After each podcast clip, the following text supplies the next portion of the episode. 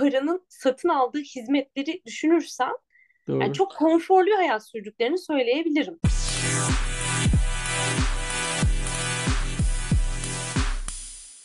Merhaba, ben Uygar Boynudelik. Kurul düzenimiz olmasa hayatımız nasıl olurdu? Bu sorunun cevabını merak edenlerin ilgisini çekeceğini düşündüğüm podcast serime hoş geldiniz. Bu seride mikrofonu 3 farklı gruba uzatacağım. Almanya'ya son dönemde taşınan yeni nesil göçmenlere, burada doğup büyüyen kültürel paydaşlarımıza ve Türkiye'den kanatlarını uçmayı düşünen göçmen ruhlara. Her salı yeni bir konuk ve hikayesiyle mikrofon başında olacağız. Bekleriz efendim. Merhaba sevgili dinleyenler. Yine bir bölümle karşınızdayız. Bugün Coaching for Global Minds markasıyla ekspat koçluğu ve kariyer danışmanlığı yapan özellikle Almanya'ya odaklanan bir konuğum var. Gülru. Hoş geldin. Nasılsın? Merhaba, hoş bulduk. İyiyim, teşekkür ederim. Sen nasılsın Uygar? Ben de iyiyim, gayet iyiyim. E, klasik sorumla başlamak istiyorum. Dinleyicilerimiz için kendini tanıtır mısın lütfen? Tabii kısaca tanıtayım kendimi. Ben Gülru. Almanya'da koçluk ve kariyer danışmanlığı yapıyorum. E, Alman Lisesi ve Heidelberg Üniversitesi mezunuyum. Daha evveline bakarsam kurumsal bir geçmişim var. Uzun seneler özel, özel sektörde çalıştım. Fakat aslına bakarsan hep hayalim insanlarla birebir çalışmaktı. Bu nedenle bir noktada kurumsal hayatı bıraktım ve özellikle kendim gibi yani olduğu yerden başka yerde yaşayan. İşte bazılarımız göçmen diyor, bazılarımız expat diyor. Ben diyorum olduğu yerden başka bir yere göç etmiş kişiler ağırlıklı Doğru. olmak üzere koçluk ve kariyer danışmanlığı yapıyorum. Hı hı. Aynı zamanda kurumlara eğitimler veriyorum Almanya'da. Hamburg'da yaşıyorum. Hı hı. Ee, Alman bir eşim, Güzel iki tane oğlum var. Evet. Hı hı. böyle çok kısaca tanıtmak gerekirse böyle. Süper. Daha zaten detaylarına evet. gireceğiz yaptığın işin e, katma değerinin. E, tabii ki e, söylemeye gerek yok. Seninle yapacağımız sohbet Almanya'da kariyer e, başlığı altında e, gelişecek. E, belki minik bir parça daha e, şundan bahsetmeni isteyebilir miyim? E, insanlarla beraber çalışmak istediğinden bahsettin. Onun dışında e, seni bu e, yola iten başka faktörler oldu mu? Yani insanlarla çalışmak, birebir çalışmak ve o bir fayda sağladığımı birebir deneyimleme kısmı aslına bakarsan beni en çok motive eden e, kısım. Hı hı. E, ama bir de tabii şu var, e, yani ben e, Almanya'ya geldiğimde ilk geldiğimde öğrenci olarak geldim. Sonra Türkiye'de çalışmaya başladım. Expat olarak geldim. Yani şirket Hı-hı. tarafından yollandım geldim. Hı-hı. Son olarak geldiğimde eş durumundan geldim. Hı-hı. Yani böyle hani o göçme aşamalarının neredeyse e, her aşamasını bir şekilde yaşadım. Ve her dolayısıyla evet. evet ve hani ben burada ne kadar zorluklar yaşandığına da birebir şahit oldum. Hı-hı. Ya o nedenle özellikle bu yollardan geçen kişilere destek olabilmek benim Hı-hı. için de büyük bir motivasyon. Bana damdan düşeni getirin diyenlere ben damdan evet. düştüm diyorsun yani değil mi? Evet Harika. aynen öyle. Süper. Aynı zamanda anne anne sıfatın da var değil mi bunların üstüne? Evet, bir evet. de Almanya'da anneliği de tadıyorsun. Eminim müşterilerin müthiş faydalar sağlıyor olmalılar senden. Peki o zaman evet. ufak ufak hani bu ısınma turundan sonra konumuza e, hızlı bir giriş yapmak isteyecek olursak farz edelim ki ben e, Türkiye'deyim veya belki de işte Hollanda, İngiltere, e, Almanya dışında bir ülkedeyim ve Almanya'da bir iş kovalıyorum. Almanya'da bir hayat kurmaya hevesim var ve bir takım iş başvuruları yapıyorum. E, bu noktada nereden başlamalı? Nasıl iş başvuruları yapmalı? Bunun bir e, heki var mıdır? E, herkesin izlediği yollardan farklı e, izlenebilecek yollar var mıdır? İpuçları var mıdır? Ve bir de tabii Almanca konusu var. Burada çok Almancanın dominant olduğu bir coğrafyada yaşıyoruz malum. Acaba başvuruları yaparken CV'mizi veya cover letter'ımızı acaba Almanca hazırlamalı mıyız? Yoksa zaten hani o kadar ileri seviyede bir Almancamız olmadığı için mış gibi yapmadan doğrudan İngilizce mi göndermeliyiz? Çok güzel sorular. Sırayla ilk sorduğun sorudan başlayayım. Hı hı. E, iş arıyorsan Almanya veya bu başka bir ülkede de olabilir. Bence ilk soru aslında şu. Ya hedefin nedir? Çünkü yani bana gelen kişilerden hani bir kısmı gerçekten mesela bir an önce bir fırsat kovalayıp gelmek Hı-hı. istiyor. O zaman Hı-hı. gideceğimiz yol birazcık farklı. Bazıları da bunlar özellikle mesela dedin ya hani Hollanda'dasın veya başka bir ülkedesin. Hı hı. O zaman sadece amacın böyle bir yere kapak atmak değil belki de hani e, tabiri caizse. Hani hı hı. böyle ayağımı sokayım orada bir başlayayım değil de gerçekten kendime uygun bir işi nasıl bulabilirim. Hı hı. İkincisinde şöyle diyorum, önce bir içe bakmak lazım. Yani hakikaten ne istiyorsun, şu zamana kadar neler getirdin, Hı-hı. motivasyonun ne, 5 sene sonra nerede olmak istiyorsun, 10 sene sonra nerede olmak istiyorsun vesaire. Tüm bunlara bir önden bakıp hani sen ne istiyorsun onu netleştirmek ve ondan sonra dışarıda neler var bunların kesişim kümesi hangisi? Eğer amaç gerçekten bir an önce Almanya veya bu başka bir ülkede olabilir. İş bulmaksa o zaman strateji birazcık daha farklı. Hani ben ne istiyorum bu hayatta, nerelere geleceğimden ziyade en Hı-hı. kolay ne şekilde iş bulabilirim. Kestirmeden. Hı-hı. Evet, birazcık kestirmeden. Bunda da yani en temel yani söyleyebileceğim şey yani özellikle Almanya özelinde söylemem gerekirse burası risk sevmeyen bir ülke.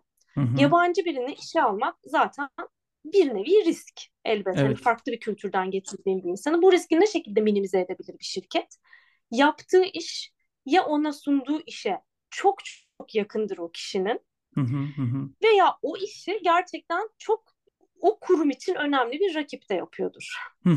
Bu nedenle en kısa aslında en kestirme yol gerçekten birincisi yani yaptığınız iş ve yetkinliklerinizle şöyle diyeyim yüzde seksen, yetmiş, seksen örtüşecek bir işe başvurmak.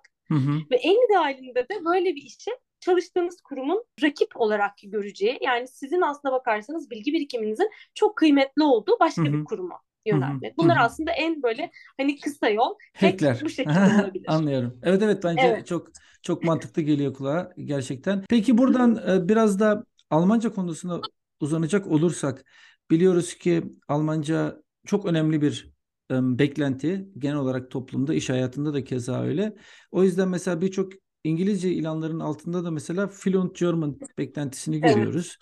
Bununla evet. da ilgili mesela farz edelim ki benim Almancam kurumsal seviyede ileride değil. O kadar gelişmiş bir Almancam yok. İşte toplumsal hayatta, sosyal hayatta kendimi idare edecek kadar Almancam var. Ama diyelim ki ilan bu bahsettiğin %70-80'lik örtüşmeye de uyuyor. Yani var ama Almanca bilmiyorum. Bu noktada acaba şimdiye kadar biriktirdiğin deneyimle şansım olur mu? Yoksa hiç e, boşuna şansımı denemeyeyim mi? Zaman kaybetmeyeyim mi? Bence şansını denemelisin. Eğer deneyimin gerçekten uyuyorsa oraya. Hı hı, yani hı. onu da neden söylüyorum? Çünkü ben yani bunun birkaç versiyonunu gördüm. Evet orada Almanca istendiği için ve işin Almanca gerekli olduğu için o işi alamayabilirsin. En Hı-hı. baştan elenebilirsin. Ama ben Almanca istendiği söylenen veya Almanca ilanlara İngilizce dokümanlarla başvurup Hı-hı. işi alan yani aslında ilanın Almanca olması bir nevi Almanca bilen insan Almanca bilmiyorsan zaten. yani pek de başvurma demek. Aynen. Fakat aynen. buralara başvurursa Evet ama buralara İngilizce olarak başvurup sonunda işe alan insanlar var. Hı hı. Ama şunu söyleyeyim. Tabii burada şöyle bir durum var. Muhtemelen aynı pozisyona ihtiyaç duyulduğu anda aynı özelliklerle yani en azından benzer özelliklerle başvuran ve Almanca bilen biri olsa muhtemelen şirket onu tercih ederdi. Hı hı, hı. Ama demek ki yoktu. Yani bu işlerde birazcık şans faktörü de var. Doğru. Bu nedenle özellikle de hani baktın hani ilan çok uymuyor zaten. Bir de hı hı. Almanca isteniyor. O zaman tamam ama ilan yaptığınız şey uyuyorsa, hı hı, Almanca hı. isteniyorsa bence yine de şansını denemek önemli. Go for it diyoruz değil mi? Bir evet, şansımızı evet, deneyelim evet. bakalım. ne, ne kaybederiz?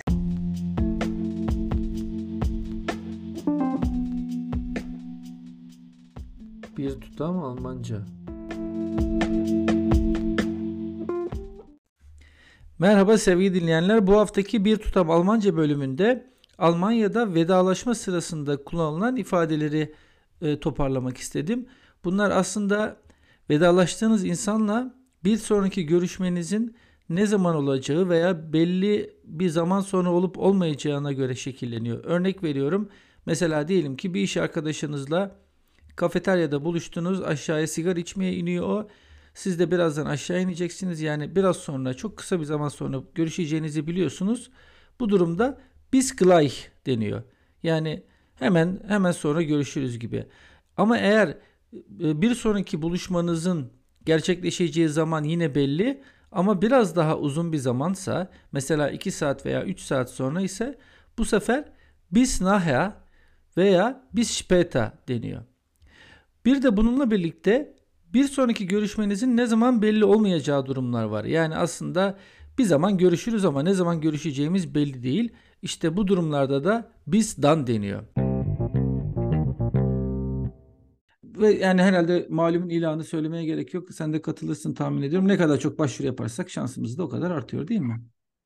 Öyle değil bence Uygar. Hmm. Ya ben şöyle düşünüyorum. Şimdi onu da söyleyecektim. Hani bir kliye bakar dedin doğru. Ama bana kalırsa ben mesela ben bana gelen insanlardan hani şunu çok duyuyorum. Yani 100 tane başvuru yaptım, 200 tane başvuru yaptım. İşte hepsi olumsuz döndü. Hı hı. Çünkü bunlar çok böyle yani bir tane bir şey hazırlayayım ve oraya da yollayayım. Böyle çok bakmadan her yere yollayayım.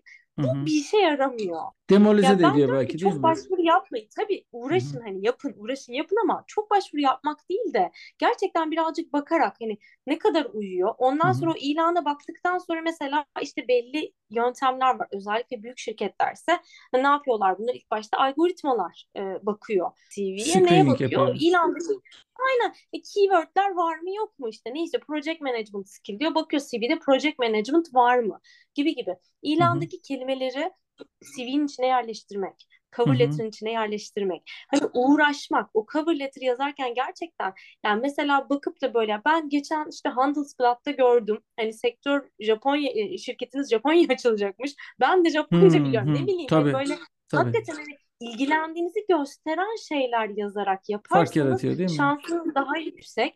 Almanlar bunu yapmak için uğraşıyorlar. Yani yurt dışından gelen veya yabancı birinin de en az onlar kadar uğraşıyor olması gerekiyor ki Hı-hı. burada öne çıkabilmek Rekabetçi olunabilir. Evet, evet. Evet. Kesinlikle. Evet. Şimdi biraz daha zamanda ilerleyelim dil- dilersen. Tabii. İşte başvurular yaptık işte ve şansımız da yaver gitti ve bir teklif aldık. Hı hı. Şimdi Gülür sana sormak istediğim soru şu. Biz bu teklifi aldıktan sonra tabii bir heyecan yaşadık. İşte Almanya'ya gidiyoruz. Allah neler olacak falan filan. Ee, bir de pazarlık masasında ne kozlar var elimizde? Yani ben neyin pazarlığını yapabilirim? Bir Almanya'da konuştu bir şirketle. Diğer taraftan hani ben e, tabii artık belli bir zamanın sonunda şunu biliyorum ki Türkiye'ye kıyas edildiği zaman yanaklar çok daha cılız, çok daha zayıf. Türkiye'deki işte servisiymiş, Sodexo'suymuş vesaireye göre. Peki sence doğru pazarlık stratejisi ne olmalı? Şöyle aslında bakarsan bence en doğru pazarlık daha başvuru yaparken başlıyor. Çünkü burada çoğu şirket sizden şeyi istiyor. Maaş beklentisini. Hı hı. Diyorsun ki benim maaş beklentim işte 60 bin eurodur. Ondan Hı-hı. sonra iş sana kabul geldikten sonra ama ben 70 bin euro istiyorum dediğin zaman yani Komik e, çok fazla bir evet olmuyor. Ha şu olabilir bir tek görüşürken mesela hani şöyle bir şey anlarlar ki tamam sen bu pozisyonu yapıyorsun ama aslında bir yetkinliğin daha var. Sana daha kapsamlı bir pozisyon. Yani bir argüman varsa olabilir ama bir argüman yoksa başta söylediğiniz şeyden yani ilk genelde bu cover letter'ın içinde yazılıyor Almanya'da.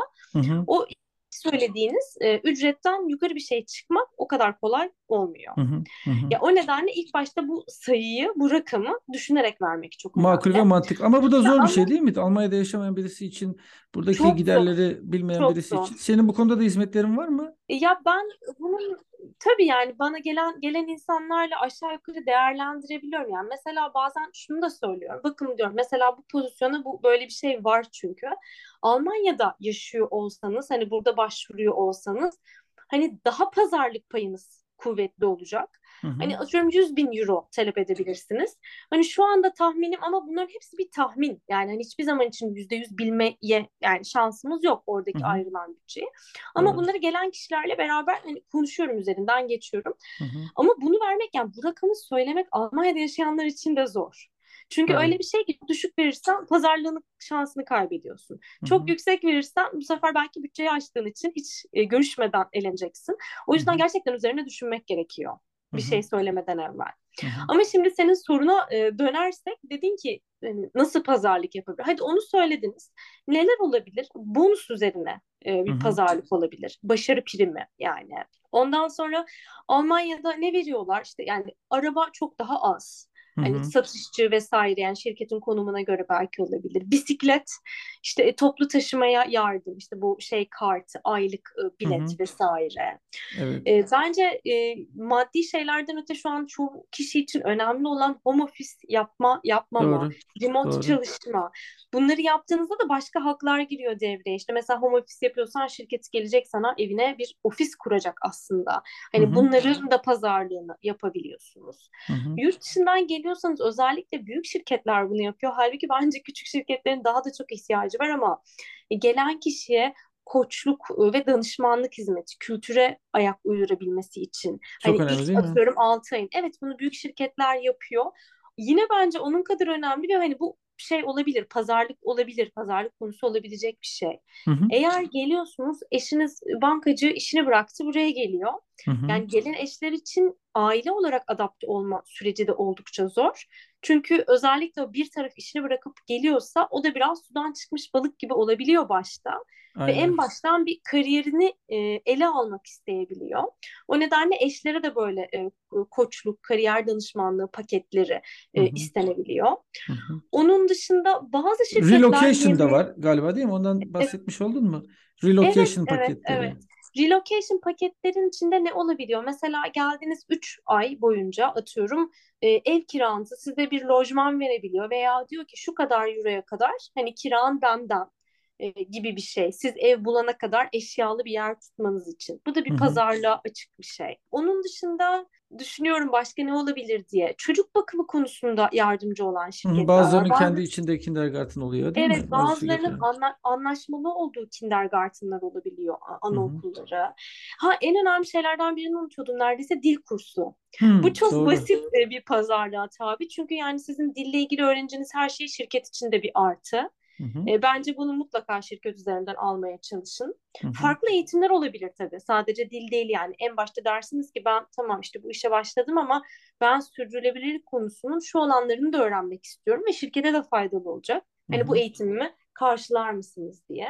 Hı hı. Gibi gibi birçok farklı şey talep edilebiliyor. Pazarlık evet. gücünüze bağlı olmak üzere. Aynen. Pozisyona bağlı olarak, sektöre evet. bağlı olarak değil mi? Yani eğer gerçekten evet. niş bir alansa pazarlık gücümüz daha fazla oluyor. Bir de bilmiyorum katılır mısın ama ben maaşa çok fazla odaklanıldığını e, düşünüyorum. Öyle hissediyorum. E, insanların hani aldıkları maaş ve o maaşın nelere imkan sağlayacağı ile ilgili çok fazla kafa yorduğunu düşünüyorum.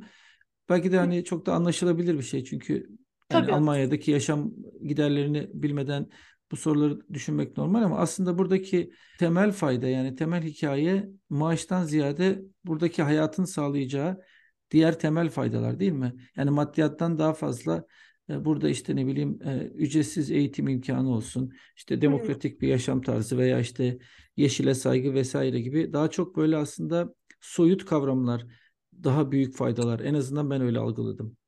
Kesinlikle katılıyorum. O yüzden ben de yani bu söylediğin şeyi görüştüğüm insanlara da söylüyorum. Yani bazen mesela şimdi e, özellikle Türkiye'den son dönemde e, gelen, gelmek isteyen e, birçok kişiyle görüşüyorum ve bu insanlar Türkiye'de çok iyi standartlarda yaşıyorlar. Hı hı. Yani mesela yani bakıyorum aldıkları mesela maaş euro cinsiyle burada almak o kadar kolay değil. Hı hı hı. Bir de o paranın satın aldığı hizmetleri düşünürsen Doğru. Yani çok konforlu hayat sürdüklerini söyleyebilirim. Yani bir Hı-hı. kısım görüştüğüm insan için söylüyorum bunu. Hı-hı. Bunu çok iyi düşünmeniz lazım. Çünkü şu şu hizmetleri yani bu benzer bir maaşla burada almanız mümkün değil. Ama burada başka şeyler var. Ne bileyim hani sokakta akşam vakti endişe duymadan yürüyebiliyorsun veya işte diğer Tabii güvenlik çok önemli. Aynen. Güvenlik Aynen. önemli. İşte şehrin yeşil olması, işte bir, ne bileyim deprem korkusunun olmaması. Yani bir sürü böyle farklı artılar var burada belki yaşayabileceğin ama bunun parasal bir karşılığı yok. Yok evet. Ve bu herkes için doğru olmayabilir. Yani bazıları da farklı konforları tercih edebilirler. Hı hı. Ve belki paranın sağlayacağı konforu tercih ediyor olabilirler. O zaman belki gerçekten Almanya'da ya çok daha iyi paralar kazanmak gerekiyor. Doğru. Hani oradaki konforundan vazgeçmek. Ya da belki de Dubai'ye çevirmek gerekiyor rotayı değil ha, mi? Evet rotayı değiştirmek gerekiyor. Mesela aynen evet Dubai e, söylediğimiz konfor kısmı için çok daha uygun, uygun. bir ülke gerçekten. Evet, evet. Evet. Evet. Evet. Kesinlikle katılıyorum. Ben de altına imza atarım. Yani eğer bir bir takım hizmetleri Türkiye'den alışkın olduğunuz bir takım hizmetleri parayla satın alabileceğiniz bir yer varsa hayalinizde Almanya o değil. Dersem hı hı. çok mu sert söylemiş olurum? Yok yani hizmet sektörü açısından evet. evet. Sanırım yani Türklerden duyduğum en büyük şikayet de ki bunu ben de burada ben de İstanbul'da doğmuş büyümüş bir insan olarak ben de Hı-hı. söyleyebilirim. Yani Hı-hı. Türkiye'deki hem hizmet sektörünü hem de çözüm odaklılık. Yani bir yere gidiyorsunuz bir sorun çıkıyor atıyorum bir restoranda ve hemen birileri geliyor giriyor evet. ve o şeyi çözü çözü veriyor. Hani burada kimsenin böyle yani bir sorun varsa da o sorunla yaşamaya devam ediyor. aynen aynen sabırla sabırla Evet. devam ediyorlar hayatlarına.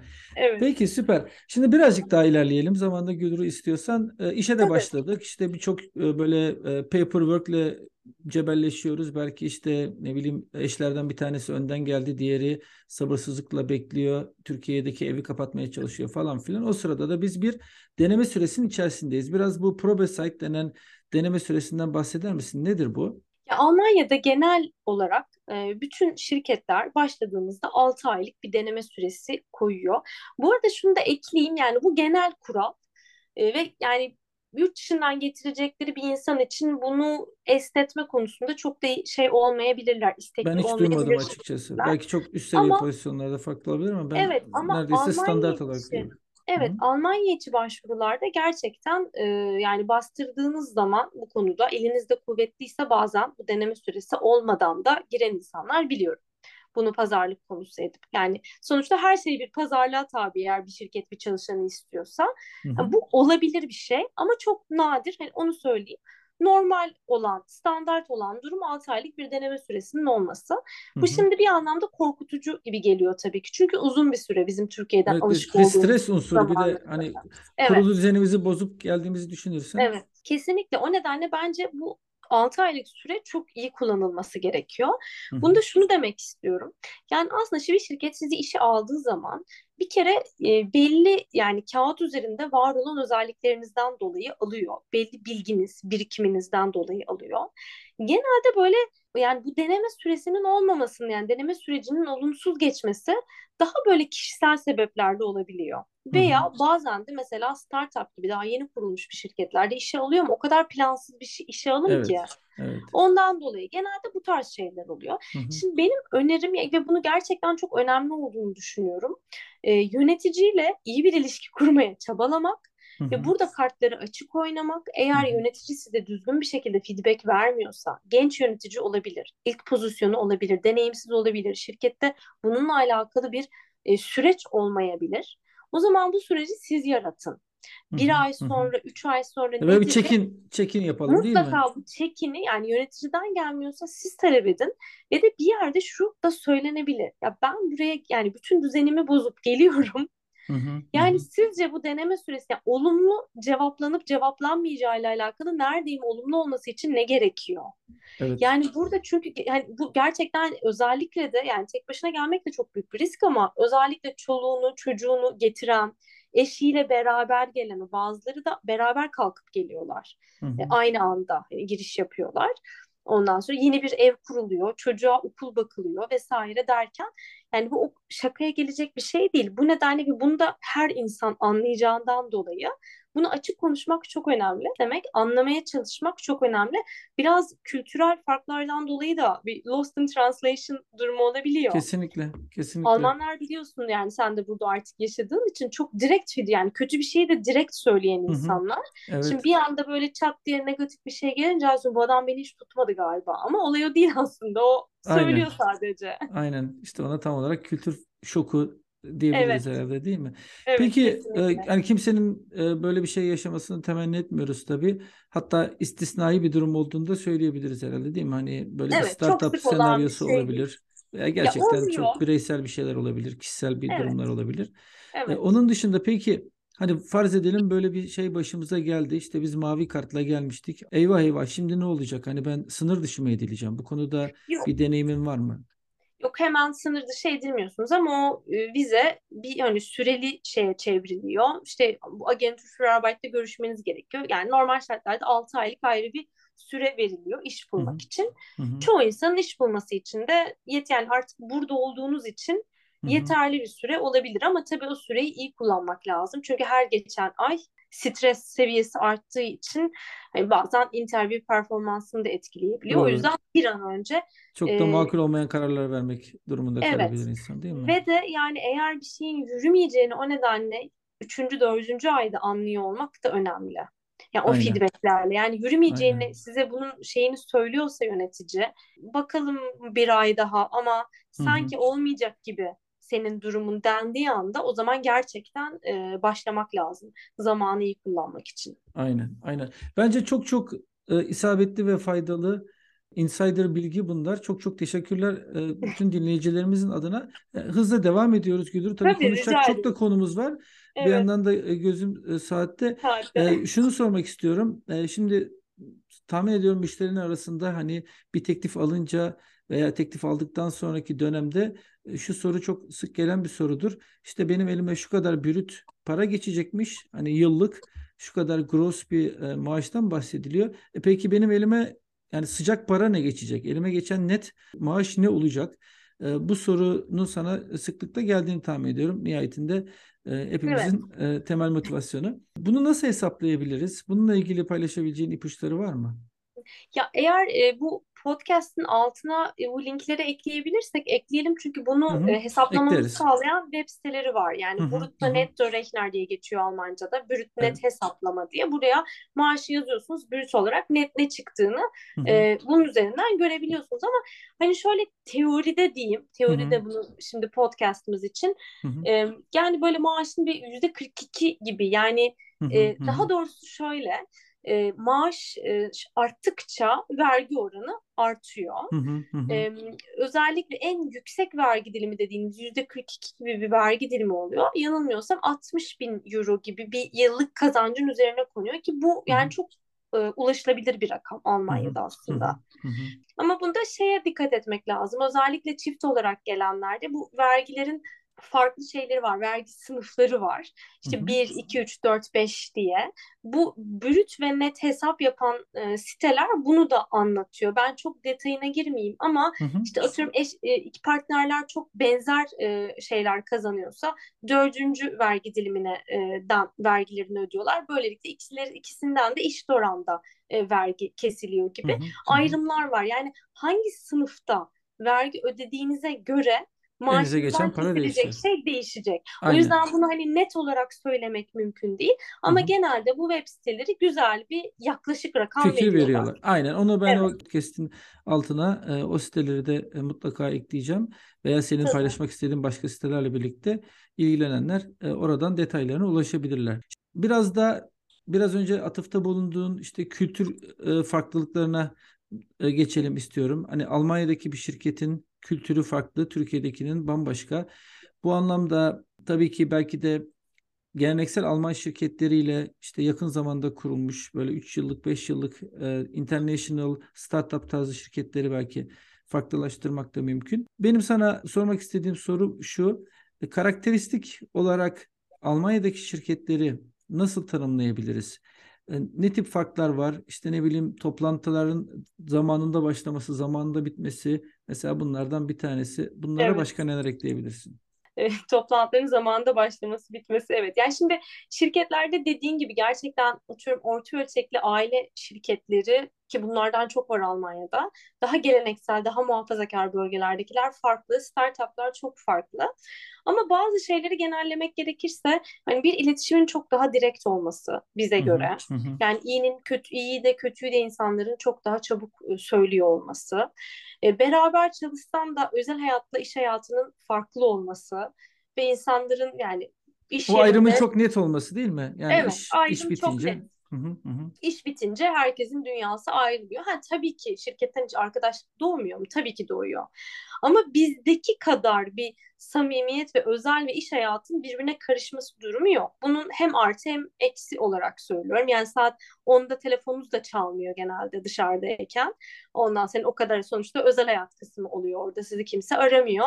Ama böyle hani o Türkiye'de ben ben de Türkiye'de de çalıştım. Hani o sıcaklıkla hadi hep beraber bir yere gidelim. işte böyle birinin hı düğününe herkes gitsin falan. Yani öyle bir öyle bir dünya çok fazla yok. Sınırlı diyeyim. Evet. Yani daha böyle şeyler var. Ayrımlar var daha yani. net değil mi? Evet. Yani evet. mesela en temelinde ben bu hataya birkaç kere düştüğüm için ki Alman kültürünü çok bilerek de Almanya'ya gelmiş bir insanım. Yani mesela en temel şeyinde biri hastalandığı zaman bile neyin var diye sormanın aslında doğru olmaması. yani ben mesela arkadaşım hastalandı, aa nesi varmış hasta?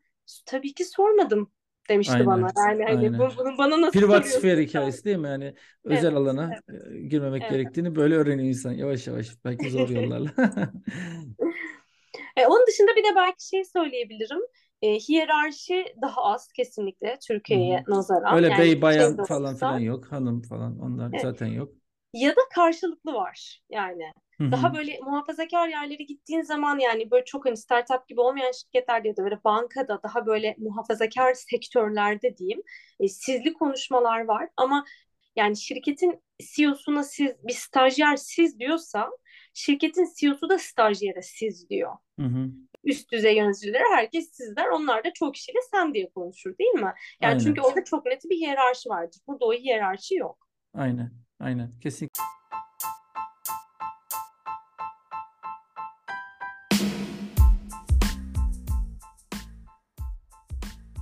Almanya'nın içinden.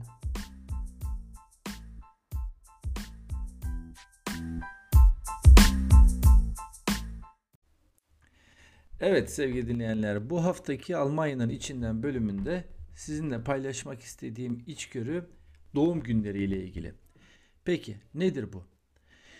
Doğum günlerinde bizim alışkın olduğumuz akış nasıl olur? İşte bizim doğum günümüz olduğunda yakınlarımız bizim için bir şeyler organize ederler. Biz de doğum günü çocuğu olarak bu organizasyona tırnak içinde teşrif ederiz. Hatta muhtemelen çoğunlukla bize de hesap ödetilmez. Yeriz, içeriz, güleriz, eğleniriz, hediyeleri alırız. En sonunda da evimize mutlu mesut bir şekilde gideriz. Yani aslında her şey bizim için organize edilmiştir. Peki Almanya'da bu anlamda bir fark olabilir mi acaba? Evet, olabilir. Kurumsal değil tabii ki kolektif bir toplum ve bireysel bir toplumun farkı burada ortaya çıkıyor. Alman toplumu bireysel bir toplum olduğu için insanlar doğum günlerinde kendileri, evet yanlış duymadınız, kendileri iş yerine veya okula veya toplumsal hayatın herhangi bir yerine kendileri işte çikolata, pasta, börek vesaire bir şeyler yapıp götürüyorlar. Ve insanlara diyorlar ki işte bugün benim doğum günüm. Ben sizler için evden kendim pasta yaptım, börek yaptım veya işte ne bileyim marketten çikolata aldım. Hadi gelin hep beraber onları yiyelim veya gidip alabilirsiniz, yiyebilirsiniz şeklinde. Bu bana çok değişik gelmişti ama aynı zamanda da çok anekdotik buluyorum iki toplum arasındaki bakış açısını anlatabilmek için. Yani uzun lafın kısası yaş günlerinizde kendiniz insanları davet ediyorsunuz, onları yedirip içiriyorsunuz veya benzer şekilde sadece doğum günü değil işten ayrılırken de veda partinizi kendiniz yapıyorsunuz. Evet yanlış duymadınız. Siz işten ayrılırken ayrıldığınız için bir parti organize ediyorsunuz. Biraları, içecekleri her neyse işte kendiniz tedarik ediyorsunuz. İnsanları davet ediyorsunuz. Buyurun gelin benim veda partimi şeklinde. İlginç değil mi? Şimdi e, Gülru Erkmen Huyara soyadını evet. doğru söyledim mi? Çok doğru onu, söyledin. Evet. Onu bir tekrar e, seslendireyim istedim çünkü merak edenler mutlaka olmuştur. Bu, e, bu kadar kaliteli içerik paylaşan e, kişi kim acaba diye. Tekrar Instagram hesabını da e, dile getirmek istiyorum. Coaching alt çizgi for tekrar alt çizgi global bir alt çizgi daha Minds. Doğru mu söyledim? Doğru. Evet doğru. Coaching alt çizgi for alt çizgi Global alt çizgi Minds ismiyle Instagram'da da e, paylaşımlarını e, takip etmeye devam edebilirsiniz. Bu çok keyifli sohbetimizin ufak ufak maalesef sonuna doğru yaklaşıyoruz. E, seninle son olarak e, yapmak istediğim bölümde orası mı burası mı e, adını verdiğim bir bölüm. E, bilmiyorum hiç fikrim var mı ama aslında basitçe e, Almanya'yı ve Türkiye'yi karşılaştırmak istedim e, bir takım başlıklar altında ve o, o konuda senin hangi ülkeyi favor ettiğini, hangisinin sana daha iyi geldiğini e, sormak istiyorum. İstiyorsan birkaç dakikada tamam. onu yapalım. Olur mu? Tabii ki. Süper. Seve seve. İngilizce eğitimiyle başlayalım istiyorum. Sence orası mı burası mı? Almanya İngilizce eğitimi için. Peki. Havası Almanya mı? Türkiye. Türkiye, Türkiye değil mi? kabul etmem. Aynen ben de öyle tahmin ediyorum. Dijital okur yazarlık. Dijital okur yazarlık. Hmm. İki ülkede çok iyi değil bu konuda. Yani ım, herhalde yani Türkiye daha bile iyi olabilir şimdi çok. Ben de öyle düşünüyorum. Ben evet, de öyle düşünüyorum. Yani, mesela E-Devlet'ten yapabildiğimiz Türkiye'de... şeyleri düşünürsen mesela. Evet. Evet. İşte orada başka şeyler de biraz işin içine giriyor. Almanya'daki data güvenliği vesaire. Doğru. Hiçbir Doğru. yerden hiçbir yere data güvenliği nedeniyle bir şey yollanamıyor. Hani Türkiye'de belki birazcık daha eğitime uzak olan bir kesim var ama eğitim gören kesim, kesimde dijital okuryarlık çok daha e, yüksek diye düşünüyorum. Evet. Hı hı. Ben de öyle düşünüyorum. Devam edelim hızlıca. Yani Almanya'da Ka- gidecek çok yolu var bu konuda. Evet. Pardon. Evet evet kesinlikle doğru. Ben de aynı fikirdeyim. Kariyer olanakları orası mı burası mı? Ya kariyer olanaklarından evet orası burası. aslında tek bir cevap istiyorsun benden. Ya kariyer olanakları olarak ben Almanya diyorum yine. Yani kariyer olanaklarının sunduğu şeyleri de düşünerek e, yani sana açacağı kapıları ve vereceği tatmini de düşünerek Almanya diyorum. Peki. Para biriktirmek? Almanya. ben Türkiye'de her evden çıktığımda çok para harcıyorum. Almanya. Ama maaşlar da orada ona göre daha fazla değil mi? Türkiye'de. E, şey yani Türkiye Türkiye'de yani Türkiye'deki hayat çok para harcamaya yönelik bir hayat bence. Daha tüketim hayatı var orada. Hı hı. Burada işte mesela bir hafta sonu çıkıyoruz, dağ bayır geziyoruz ve yani beş kuruş para harcamadan eve dönmüş oluyoruz. Hı hı. Ben böyle bir hayatı İstanbul'da hiç bilmiyorum. Anlıyorum. O nedenle sadece kazanmak değil harcama kısmını da düşünerek Burada daha iyi para biriktirebileceğini düşünüyorsun. Peki. Çocuk büyütmek? Evet. Almanya. Ama Almanya. Türkiye'de de ailenin yakınlığı çok güzel. Yani. Evet. Evet bu biraz zaten Ama çocuk büyütmek için Almanya daha uygun bir ülke çetrefilli bence. bir soruydu. Evet. Peki e, son iki soruma e, geçecek olursak sağlık sektörü. Sağlık sektörü eğer özel sigortalıysanız Türkiye'de, Türkiye, devlet sigortasındaysanız Almanya. Peki son başlığımda bankacılık hizmetleri. Orası mı burası mı? Türkiye. Türkiye değil mi? Aynen. Aynen. Çok ilerideyiz. Mesela bu cep telefonuyla falan para çekebiliyor olmak Türkiye'de bayağı bir lüks geliyor bana bazen. Evet. Peki. E, Kesinlikle e, katılıyorum. Çok çok teşekkür ederim. E, sahiden çok e, dolu dolu bir içerik çıktı ortaya. E, çok memnun oldum. E, seninle bu kaydı yapabildiğimiz için. Senin paylaşmak istediğin bir şeyler var mı? Ben teşekkür ederim. Ben teşekkür ederim. Keyifli bir sohbet oldu. Güzel sözlerin için de çok teşekkür ediyorum. Gerçekten. Ben e, teşekkür Çok ederim. teşekkürler beni konuk olarak aldığın için programa. Gerne, gerne diyelim. Öyle bitirelim. Evet sevgili dinleyenler bugün Almanya'da kariyeri konuştuk. Gülre Ekmen Huyara ile birlikte umuyorum siz de benim kadar zevk almışsınızdır, faydalanmışsınızdır. Bir sonraki bölümde görüşmek üzere. İyi geceler. Esen kalın, hoşça kalın. İyi geceler.